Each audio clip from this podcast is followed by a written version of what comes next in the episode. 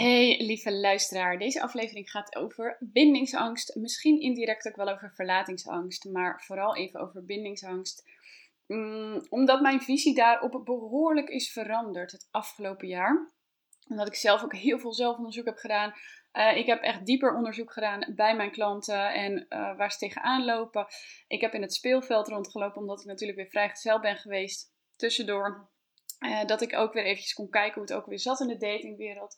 Dus ik heb echt super veel onderzoek mogen doen. En ik merkte dat er ook steeds meer diepgang kwam in het contact met mijn klanten. En dat mijn klanten ook steeds meer bereikten.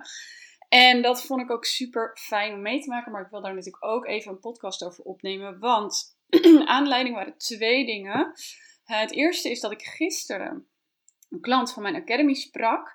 Even via berichtjes met een situatie die echt heel erg mooie dingen liet zien hierover. Um, waarover anderen misschien hadden gezegd van, oh, hij heeft gewoon bindingsangst. En zij bekeek het heel anders en dat vond ik echt super mooi. Ze maakte hele mooie ontwikkelingen en dat zei ze ook.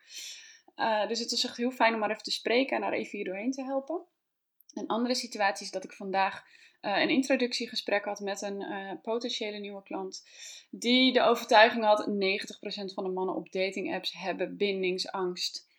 Uh, dat is natuurlijk een overtuiging die in haar speelt. Als je mijn podcast al een tijdje luistert, weet je ook dat als jij de overtuiging hebt, dat je dat ook gaat aantrekken. En uh, er speelt nog iets mee als jij de overtuiging überhaupt in je hoofd hebt dat, dat bindingsangst, uh, dat alle mannen bindingsangst hebben, bijvoorbeeld weer voor mannen. Dan ga je ook dat zo invullen. Dus alles wat hij doet, dan zal je meteen denken: oh, dat komt door zijn bindingsangst. Bijvoorbeeld, oh, dat is er weer zo eentje. Weet je, in plaats van dat je er open en nieuwsgierig in kan staan, sta je er al op deze manier in. Ik vind persoonlijk, en daar ga ik het ook deze podcast over hebben, dat bindingsangst iets is wat eigenlijk niet eens echt bestaat. Uh, het klinkt misschien een beetje gek als je er heel veel over hebt gelezen en heel veel over hebt uh, bestudeerd. Ik heb de afgelopen jaren, of het afgelopen jaar echt goed gekeken en ik ben tot de conclusie voor mezelf gekomen dat ik vind dat het niet bestaat. ik gebruik het absoluut nog in de marketing en het is uh, het is natuurlijk iets waar heel veel mensen zich in herkennen, maar tegenover mijn klanten gebruik ik het eigenlijk helemaal niet meer. Ik kijk namelijk altijd met mijn klanten naar de situatie in het nu, de concrete situatie in het nu. En we benaderen het vanuit nieuwsgierigheid. En in mijn ogen is het label bindingsangst, zowel als ook als het label verlatingsangst, is eigenlijk een belemmering van je, van je potentie tot verbinding. En dat vind ik zonde. Want door een label bindingsangst, van oh, dat zal de bindingsangst wel zijn, ben je heel snel geneigd om al een excuus te hebben om niet verder te gaan kijken, om niet verder te onderzoeken, om niet verder erin te duiken. In de concrete situatie zoals die nu in het moment is, omdat je er al een label aan hebt geplakt. En zo is het bijvoorbeeld ook met het label hoogsensitiviteit. Als je het voor het eerst hoort, is het, kan het heel bevrijdend zijn van, oh, ik weet eindelijk in welk hokje ik pas, bijvoorbeeld. Zo is het ook met bindings- en verlatingsangst. Ik weet eindelijk in welk hokje ik pas dat kan even heel bevrijdend voelen. En ik zeg ook niet dat het daarin iets verkeerd is. Het kan op, aan het begin kan het je heel erg helpen en dan is het altijd goed als iets je helpt. Maar als je ergens te lang aan vast gaat houden, dan gaat het vaak je potentie belemmeren. Dus als je te lang vasthoudt aan hoogsensitief, dan belemmert het vaak ook je potentie, omdat je dingen niet meer vanuit kracht en nieuwsgierigheid benadert, maar vanuit dat label. En zo zie ik het ook met bindings- en verlatingsangst. Als je iets vanuit dat label gaat benaderen, benader je het veel minder krachtig vaak, dan wanneer je het gewoon heel neutraal zou benaderen van hé, hey, ik ga eens kijken wat mijn uitdaging hierin is en ik ga eens kijken of ik hem aan kan. Ja of nee. Uh, en wat het me gaat brengen als ik hem gewoon aanga. En met de concrete situaties die ik je ga vertellen, wil ik je laten zien waarom ik dat zo uh, ervaar nu op dit moment. En dan pak ik eerst even de situatie van mijn klant. Um, mijn klant die had een situatie gisteren en ik wil er niet al te diep op ingaan, maar een situatie waarin zij een probleem had rondom haar relatie. Ze dacht dat het heel erg goed ging. Ze was helemaal blij en verliefd. Maar we weten ook, verliefdheid laat de potentie zien van hoe het kan zijn. Maar verliefdheid haalt ook alle triggers naar boven van uh, ervaringen uit het verleden. Dat is wat het gewoon doet. Want je hebt er bepaalde gevoelens bij en die gevoelens halen die ervaringen naar boven die je al eerder hebt gehad. Waarbij je misschien ook die gevoelens had. Zij had even in de context een relatie gehad met een manipulatieve man hiervoor. En uh, haar vriend had een relatie gehad met een vrouw die eigenlijk helemaal niet geïnteresseerd was. Dus dat is eventjes de context. Daar komen alle situaties of de, de ervaringen zo'n beetje vandaan. En nu was er een situatie met haar waar ze helemaal verliefd is op hem en andersom. Waarin uh, zij. Zij heeft een huisgenoot. En die huisgenoot is in feite natuurlijk ook een vriendin van haar. En die huisgenoot die, ja, die eist heel veel aandacht op. Zeker ook op het moment dat ze daar is, maar ook uh, als zij bijvoorbeeld bij haar vriend is, dan stuurt ze heel veel berichten en dan voelt zij zich een soort van verplicht om te antwoorden. Dus ze is ook wel met haar telefoon bezig als ze bij een vriend is. En dit was een situatie die zorgde voor behoorlijk wat triggers. Nu is het natuurlijk ook een ding met haar en haar huisgenoot dat zij voor haar grenzen moet opkomen. Dat speelde ook. Zij moet voor haar grenzen opkomen tegenover haar huisgenoot en dat is haar eigen les. Maar wat er nu gebeurde, was dat haar vriend uh, eigenlijk ging pushen aan haar om die les te leren. Dus hij ging zich een soort van bemoeien met haar ontwikkeling in dat opzicht. Niet vanuit, hey joh, ik zie dit gebeuren. Maar echt vanuit, hey, zij is nu het probleem van dat het tussen ons niet werkt. En ik maak me zorgen over onze prille relatie. Dat is wat er gebeurde. En ik deel dit even met je, zodat je misschien ook een vorm van herkenning ergens in ziet. Wat hij nu aan het doen was, is dat hij zijn eigen angst, die hij intern had, was hij aan het projecteren naar buiten toe. Van hé, hey, ik ben ergens bang voor en dat is jouw schuld. Dit is eigenlijk wat er letterlijk gebeurt. Wat zij geneigd was om te doen, is inderdaad meteen in actie schieten en te reageren op het feit dat hij haar de schuld geeft. En inderdaad van, oh ja, uh, het is inderdaad ook uh, mijn huisgenoot haar schuld, dus uh, oké, ik ga dat wel oplossen. En als je nu midden in je verliefdheid zit, kan je dit heel vaak ook niet zien. Hè? Het gebeurt voordat je het door hebt. Je denkt, oh jee, jee hij, hij vindt uh, mijn huisgenoot irritant. Uh, Oké, dan ga ik wel kijken of ik dat met mijn huisgenoot kan oplossen. En je bent geneigd om meteen uit de relatie te schieten en het extern te gaan oplossen. Dus met je huisgenoot. Wat zij hierin vergeet, en dit is natuurlijk iets heel erg kleins, hè, dus dit is niet echt super groot, maar ik wil wel meteen aangeven wat de nuance is. Wat je hierin vaak vergeet, is dat op het moment dat je dit doet, het van kwaad tot erger gaat worden. Want de eerste stap is gezet naar niet voor je grenzen opkomen binnen de relatie en binnen de verbinding. Je gaat het meteen extern oplossen, omdat dat is wat, omdat dat lijkt alsof het is wat hij wil. En zij handelt nu dus vanuit een angst om hem te verliezen. En uh, hij handelt vanuit de angst om haar te verliezen. Dus hij is aan het handelen vanuit angst. En dat kun je zien van buitenaf. Als zij die situatie met me deelt, kan ik dat zien.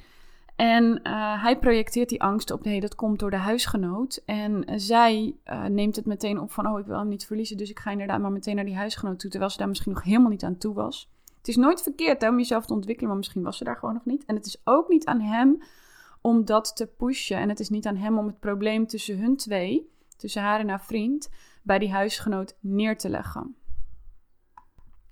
als zijnde de oorzaak van zijn twijfel over hun prille relatie. Want dat is wat hij uitsprak. Ik heb nu twijfels over onze prille relatie.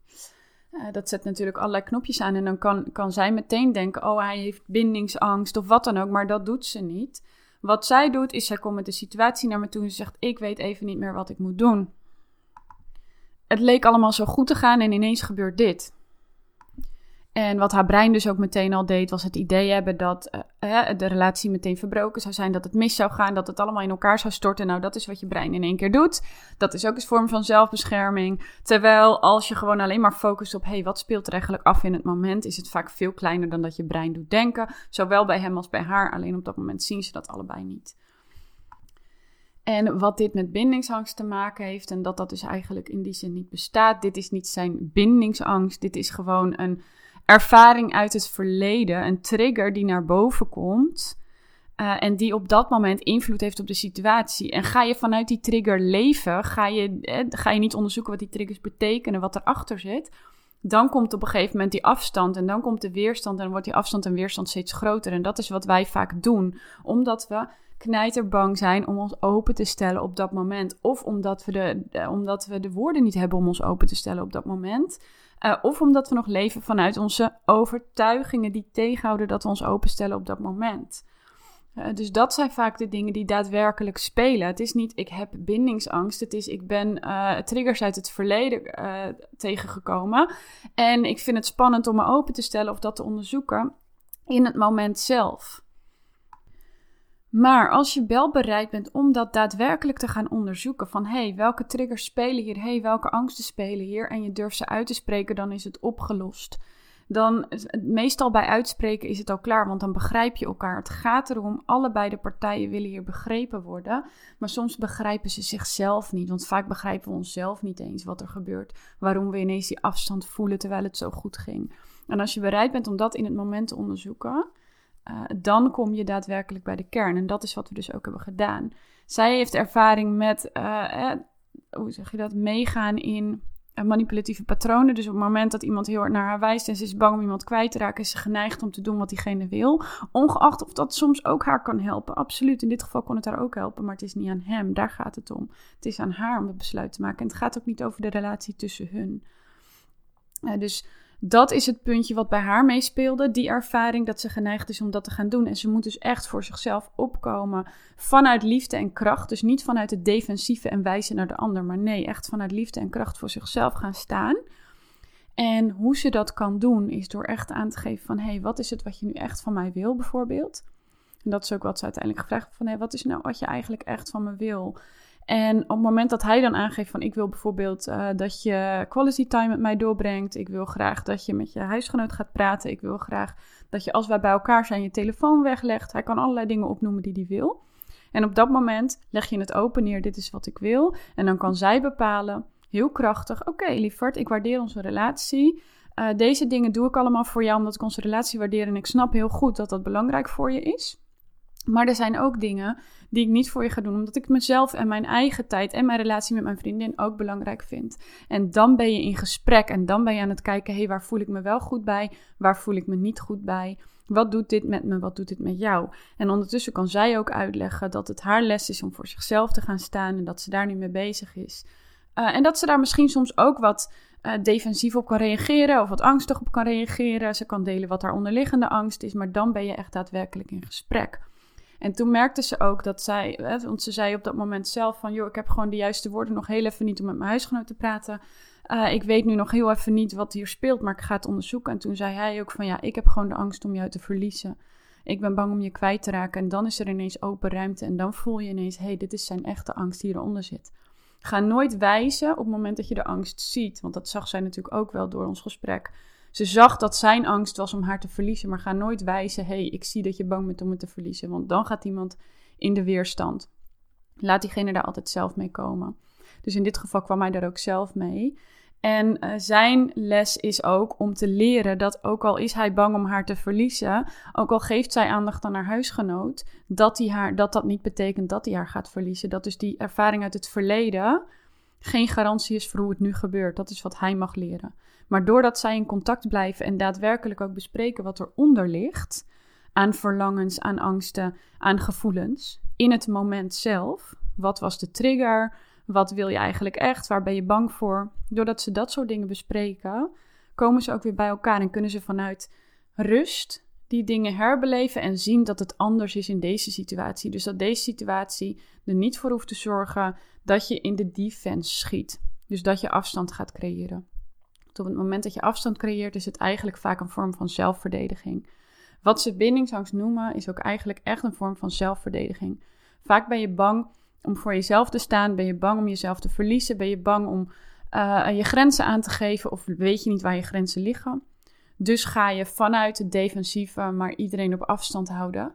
Terwijl als jij leert, hier ligt mijn grens, dit is wat ik fijn vind, dit is wat ik niet fijn vind. En dat verandert per dag hè, of soms per moment. Dus als je dat ook uh, voor jezelf, hoe zeg je dat? Als je ook jezelf toestemming geeft dat dat altijd mag veranderen, maar dat je het gewoon ten alle tijde blijft uitspreken, dan heb je nooit bindingsangst. Dan kun je altijd in het moment praten over wat er gebeurt. Focus op wat er nu gebeurt. Wat gebeurt er? Waar voel je iets? Welke weerstand voel je? En onderzoek die trigger.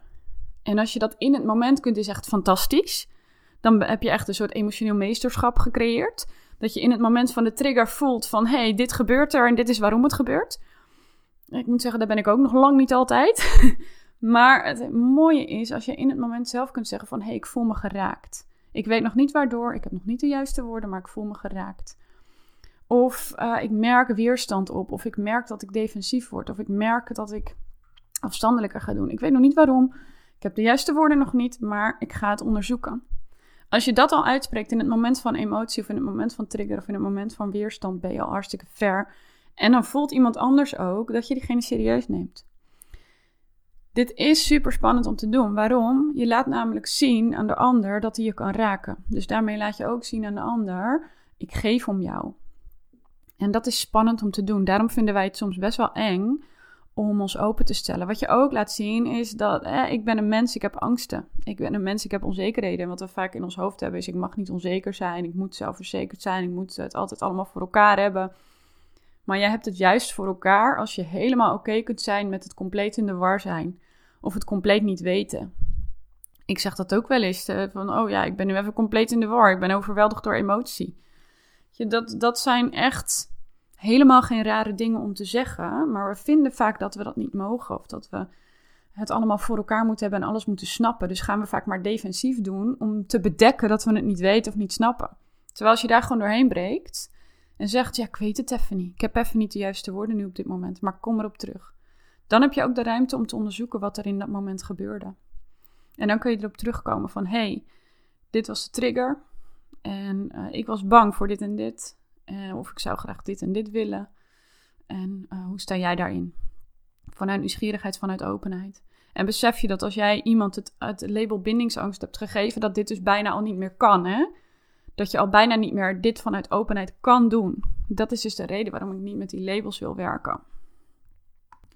En ik besef me heel goed dat ik daarmee ook uh, een podcast tegenspreek die ik al heb opgenomen. Maar zoals ik het al aan het begin zei, het kan soms heel erg helpend zijn om aan het begin, als je net even aan het onderzoeken bent van hé, hey, wat speelt er überhaupt?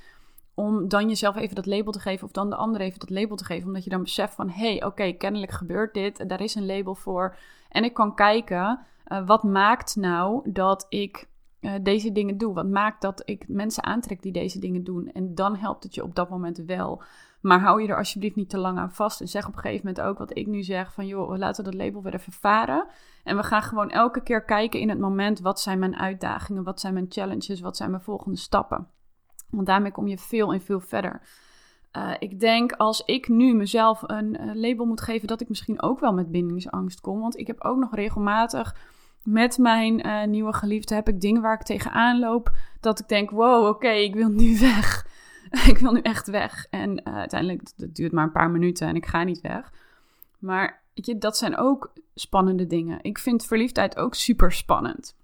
En wij eh, maken ook super veel dingen in elkaar los van, van vorige ervaringen. Die neem je altijd mee.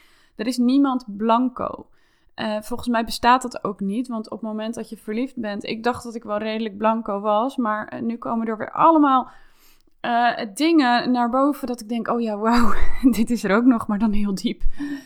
Uh, en het is allemaal niet meer zo heel heftig, maar het is er nog wel. Ik voel het en ik voel het steeds genuanceerder. En hoe meer genuanceerd je het voelt, uh, ja, hoe meer clean je kunt worden. Maar ja, ik vraag me af of het ooit klaar is. Dat, dat weet ik niet. Dat, maar ik vind het eigenlijk ook te leuk om, om te willen dat het klaar is ik denk als dit klaar is, dat je dan die sleur krijgt. En ik denk dat als je die sleur krijgt, dat dat alleen maar betekent omdat je niet meer in het moment aan het onderzoeken bent wat er speelt.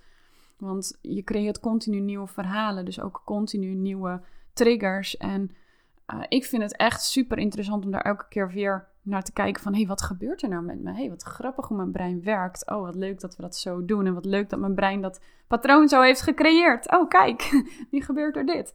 En omdat ik het op die manier benader kunnen we er ook veel makkelijker doorheen komen.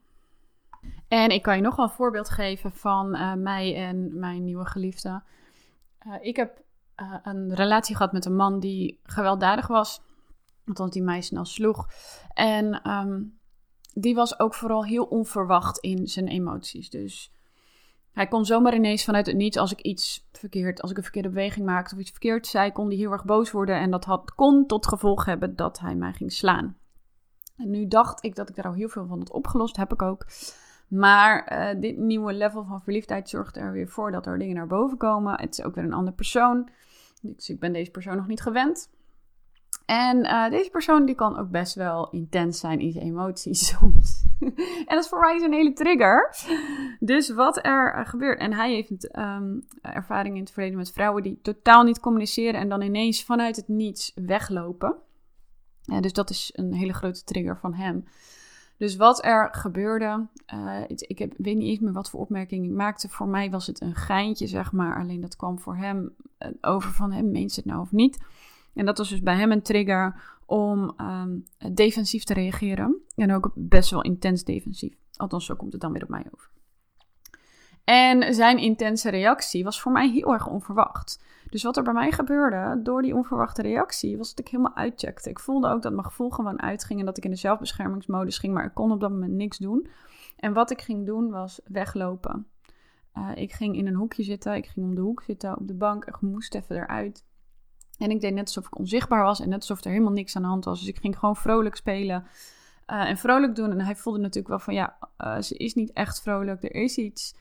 Maar op dat moment kon ik niet anders dan gewoon echt doen alsof er helemaal niks aan de hand was. En heel vrolijk doen en me zoveel mogelijk onzichtbaar maken. Want dat was wat ik deed op het moment dat die vorige, nou ja, die, die, die andere vriend die gewelddadig was, want dat is al een paar relaties geleden.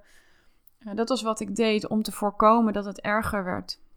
Dus ik liep weg en ik deed net alsof het allemaal helemaal goed was. En dat ik fantastisch veel van hem hield. En dat het allemaal goed, dat het allemaal zonnig was, zeg maar. Dat was voor mij mijn copingstrategie. Om ervoor te zorgen dat het niet uit de hand liep. En ik merkte toen ik op de bank zat op een gegeven moment van... Hé, hey, dit ben ik weer aan het doen. Ik ben nu aan het survivalen in plaats van dat ik de situatie aanga. En dat is absoluut niet hoe ik erin wil staan. Ik wil niet vanuit survival in mijn relatie staan. Ik wil ervoor zorgen dat ik mijn uitdagingen aanga. Maar dan moet ik me wel eens bewust zijn van dat ik dat überhaupt aan het doen was. Dus ik werd me daar bewust van van hé, hey, ik ben niet echt aan het vertellen wat ik nu voel. Ik ben niet echt aan het delen wat ik voel. Ik ben nep aan het doen. Ik ben net aan het doen alsof er niks aan de hand is. En dat is voor mij een survival tactiek. Ik voelde me bedreigd doordat het voor mij onverwacht was. En dat heb ik dus ook met hem gedeeld. Van op het moment dat iets voor mij onverwacht lijkt, voel ik me bedreigd en, en voel ik me geraakt en ga ik automatisch in de defensieve reactie. De ene keer is die defensieve reactie wegkruipen en doen alsof er niks aan de hand is. De andere keer is die defensieve reactie verstijven. Maar het is een defensieve reactie vanuit het beschermsysteem. En omdat ik me bedreigd en machteloos voel dan, omdat ik bang ben dat het uit de hand loopt, en doordat ik dat met hem kon bespreken, voelde ik me ook gelijk alweer veiliger. En hij zei ook meteen: Nou, dankjewel dat je dit met me deelt. En hij vertelde ook wat er in hem gebeurde. Dat hij dan ook bang is dat ik ineens wegloop, bijvoorbeeld. En dat gebeurde dus nu ook. maar hij heeft daardoor ook geleerd dat als ik wegloop, dat dat niet betekent dat ik wegblijf. Maar dat, dat in mijn geval dat ik dus altijd weer terugkom en uitleg wat er gebeurde. Dus dat geeft vertrouwen. Daardoor groeit je vertrouwen ook met elkaar. Je vertrouwen groeit, want je weet als er iets is en ze weet nog niet gelijk de woorden, ze weet nog niet gelijk wat er speelt, gaat ze het wel onderzoeken. En andersom weet ik dat ook. Ik weet als er iets speelt, uh, als hij een reactie, een, een, emotionele reactie heeft, dan is hij ook bereid om daarnaar te kijken en om daarin zijn verantwoordelijkheid te pakken voor zijn gedeelte, omdat ik dat ook doe. En daardoor is hij ook meer bereid om dat ook te gaan doen, want hij ziet dat ik het doe en hij heeft zoiets, hey, weet je, ik doe ook dingen vanuit uh, oude patronen. En dat is niet dat je schuldig bent, maar dat is gewoon dat je een, een beschermsysteem hebt gecreëerd. Wat dingen voor je uitvoert voordat je door hebt. En als jij elke keer in het moment bereid bent om te delen: hey, dit voel ik, dit gebeurt er nu. Ik voel me geraakt. Uh, ik weet misschien niet waardoor, maar ik ga het onderzoeken. En dit is wat ik aan het doen ben. Ik ben aan het wegkruipen. Je hoeft alleen maar letterlijk te kijken naar de situatie. Wat gebeurt er? Wat ben je aan het doen? Vanuit welke intentie doe je het? En je hoeft nog niet eens altijd te weten uh, welk patroon er wordt getriggerd. Dat is eigenlijk in feite nog onbelangrijk als je gewoon kan delen wat je op dat moment voelt. Kijk, ik weet toevallig dat dat patroon daardoor komt. Dus dan pak ik de uitleg erbij, zodat hij het ook beter begrijpt. Dat helpt. Maar je kunt ook alleen maar delen: ik voel dit, uh, dit gebeurt er, ik krijg deze behoefte in mijn hoofd. En het is alleen maar in mijn hoofd, maar dit is wat mijn hoofd tegen me zegt. Uh, en uh, daardoor doe ik nu dit en dat is vanuit deze angst. En als je dat al kan communiceren, ben je al super ver. Creëer je al heel veel vertrouwen met elkaar. En als je daarna ook nog eens snapt waarom je het deed, ja, dan kan je dat ook nog met elkaar communiceren. Leer elkaar echt begrijpen. Dit is ook wat een belangrijk deel van liefde is. Elkaar echt leren begrijpen. Wat maakt dat je de dingen doet zoals je ze doet? En hoe kan ik er daarin voor jou zijn? Want je hoeft nooit iets voor de ander op te lossen.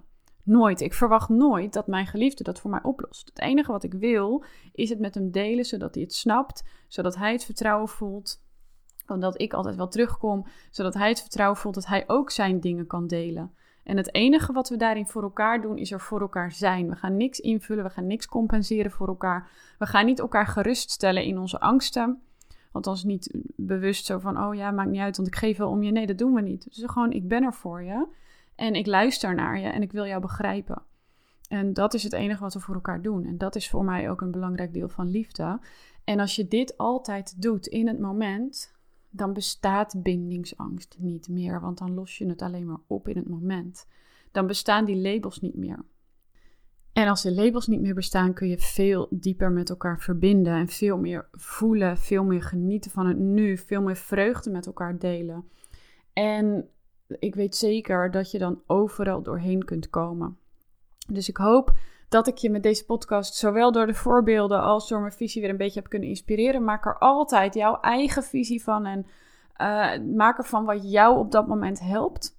Gebruik het als inspiratie. En ik zie je heel erg graag weer terug bij een volgende aflevering.